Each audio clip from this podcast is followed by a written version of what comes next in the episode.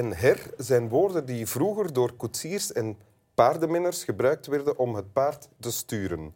De koetsier riep hot als het paard rechtsaf moest en her als het paard naar links moest. Van hot naar her betekent dus eigenlijk van rechts naar links. Andere kreten waarmee paarden werden aangestuurd zijn ju, hu, ho en ul, ul, ulli,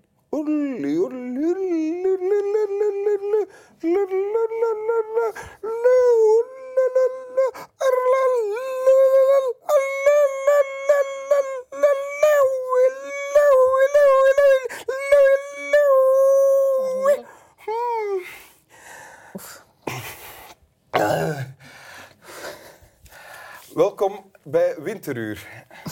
Namens Swami Bami, mijzelf, de presentator. En heel hartelijk welkom, welkom aan mijn gast van vandaag, Margot van der Straten. Welkom wel. in Winteruur. Eh, schrijfster, columniste, eh, journaliste. En eh, heb ik daarnet vernomen ook documentairemaakster nu? Klopt allemaal toch, hè? Het klopt, ja. Ik ben Ja. met een documentaire over Sabena bezig voor Canvas. Ja, heel, heel, heel interessant. Een documentaire in verschillende afleveringen. Vijf afleveringen. Reeks. Ah, ja. Ja. Wanneer gaat die klaar zijn? Eh, het is de bedoeling dat wij hem inblikken ehm 2020, dus eh, voorjaar volgend jaar. En dat hij op televisie komt in het najaar volgend jaar. Najaar 2020. 2020. Ah ja, oké. Goed, dat is nog even Dus wachten nog dan. jaar, Dus ja. intussen tijd kunnen we Mazzeltof nog eens herlezen. een van jouw boeken, vertaald in ondertussen al een stuk of tien talen, denk ik. Een stuk of zeven, denk ik. Ja, Ja. ja, is goed, hè? ja. is fijn. Eh, het grappige is, de titel is overal Mazzeltof. Dus de titel is... Dat is wel gemakkelijk. Andere schrijfwijzen vaak, maar dezelfde titel. Ah ja, ja. En iedereen begrijpt. Enfin, maar je hebt een tekst meegebracht. Ja, voilà, heeft helemaal niks met Mazzeltof te maken. Er wordt van een treinreiziger niets verwacht. In een vliegtuig is een reiziger gedoemd urenlang in een benauwd stoeltje te zitten. Op een schip zijn een goed humeur en aanpassingsvermogen een eerste vereiste. Auto's en bussen zijn een verschrikking. De Schotse reisschrijver Robert Louis Stevenson schreef ooit: De trein stoort het natuurschoon zo weinig en de vaart is zo vloeiend dat ons hart vervuld wordt door de rust en vrede van het land. En terwijl het lichaam voorwaarts wordt gedragen in de vliegende ketting van rijtuigen, stappen onze gedachten uit. Een trein is een voertuig waarin je kunt wonen. Hoe laat komen we aan? Volgens het spoorboekje om kwart over zeven s'avonds, zegt Rachid. Maar we hebben vijf en een half uur vertraging. Waarom? vroeg ik. We hebben vijf en een half uur vertraging. Dat is nu eenmaal zo. Van Paul Theroux, Ja, reisboekenschrijver. reisboeken schrijven. En vader van. Louis Theroux. Dat klopt. Ja. Vader van een van de eh, betere interviewers, journalisten op tv. Dus ook daar is een link met wat ik doe. Ah ja, dat is waar. Ja. Ja. ja, wat staat hier in dit stuk? Ehm, wa- wat ik vooral. Het is natuurlijk niet eh, eh, literair de meest hoogstaande passage die je kunt vinden. Ik heb met, met de keuze voor, voor eh, eh, Paul Theroux echt willen kiezen voor een manier van kijken.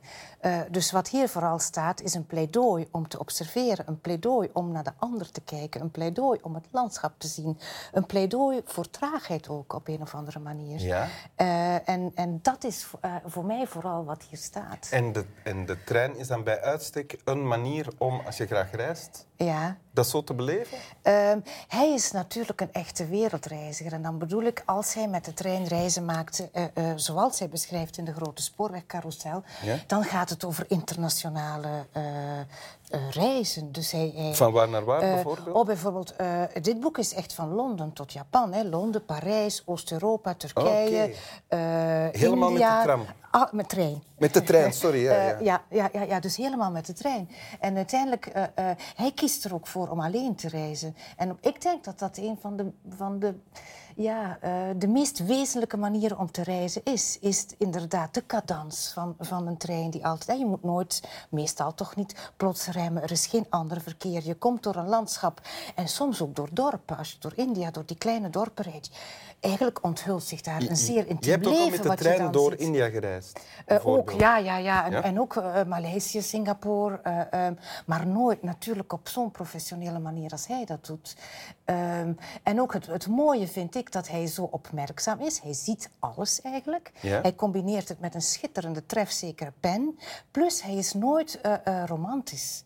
Eh, dus het, in, in het stukje wat ik hier voorlees, eh, voorlees staat inderdaad de rust en vrede van het land. In de boeken van Paul Theroux gaat het niet over de rust en vrede. Daar gaat het ook over de smerigheid die je ziet. Daar gaat het over de armoede die je Ja. ziet. Over het, het leven, de chaos. Eh, in het stukje, hier reist hij verder naar Karachi Ja. in Pakistan. Nou ja, Pakistan is een stad, ik weet niet hoeveel mensen er wonen, maar ik denk twee keer meer dan heel België samen. Mhm. Dus dat is natuurlijk niet de rust en vrede van het land. Nee, maar je had, het dan, je had het daarnet over een manier van kijken. Ja, ja, ja, observeren. Kijken, niet alleen kijken. Ik bedoel kijken ook werkelijk eh, proeven. Hij eet op die treinen, dat is altijd met een restauratiewagen.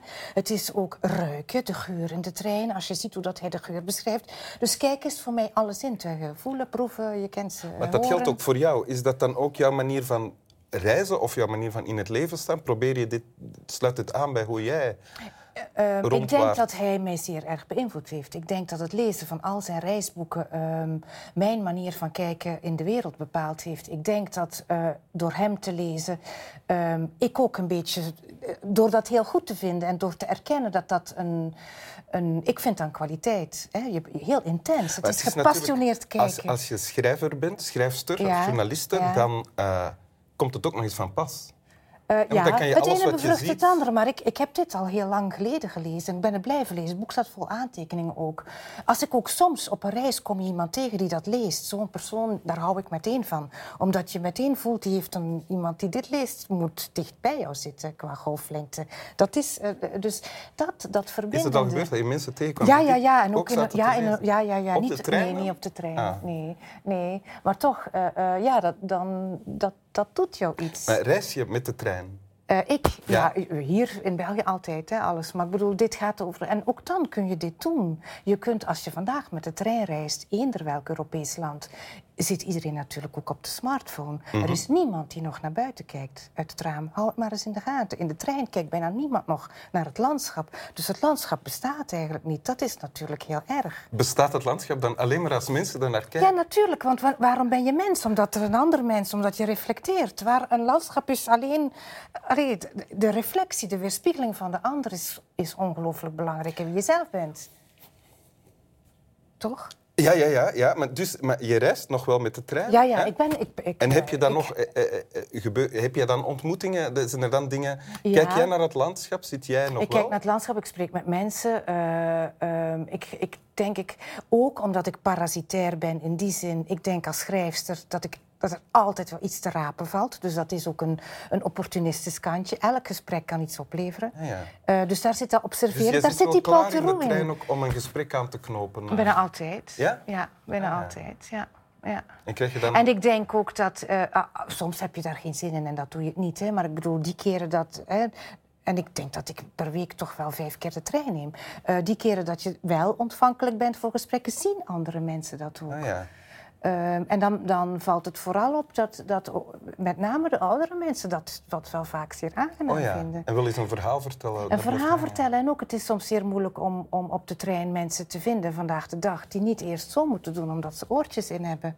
En dan moet je je vraag nog eens herhalen, want ze hebben jou niet gehoord. Dan is het eerst wat blieft. Dat is, dat, en, en dat heb je nooit. Ah, Doe, Hij zal je dat? vandaag Spreek, dit... spreek je mensen met oortjes aan op de Je trein? ziet het vaak niet dat ze oortjes in Ah, hebben, ja, ja. niet. Je, je, dus daar, eh, maar, ja. maar ik, ik vraag het mij af, mocht hij dit vandaag overdoen? In hoeverre dat de technologie eh, zijn waarneming en ook de mensen... want hij komt in interactie met vele passagiers... in hoeverre dat dat verandert, Dat is zal dat dan iemand anders moeten doen. Hè? Wel ja, voilà, zullen we dat doen, ja. Maar eerst die documentaire afmaken. hè? Ja, zo is dat.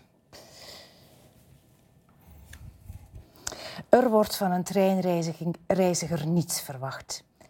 In een vliegtuig is een reiziger gedoemd urenlang in een benauwd stoeltje te zitten. Op een schip zijn een goed humeur en aanpassingsvermogen een eerste vereiste. Auto's en bussen zijn een verschrikking. De Schotse reisschrijver Robert Louis Stevenson schreef ooit: De trein stoort het natuurschoon zo weinig en de vaart is zo vloeiend dat ons hart vervuld wordt door de rust en vrede van het land. En terwijl het lichaam voorwaarts wordt gedragen in de vliegende ketting van rijtuigen, stappen onze gedachten uit. Een trein is een voertuig waarin je kunt wonen. Hoe laat komen we aan? Volgens het spoorboekje om kwart over zeven s'avonds, zei Rachid. Maar we hebben vijf en een half uur vertraging. Waarom? vroeg ik. We hebben vijf en een half uur vertraging. Dat is nu eenmaal zo. Dank u. Graag gedaan. Slap wel.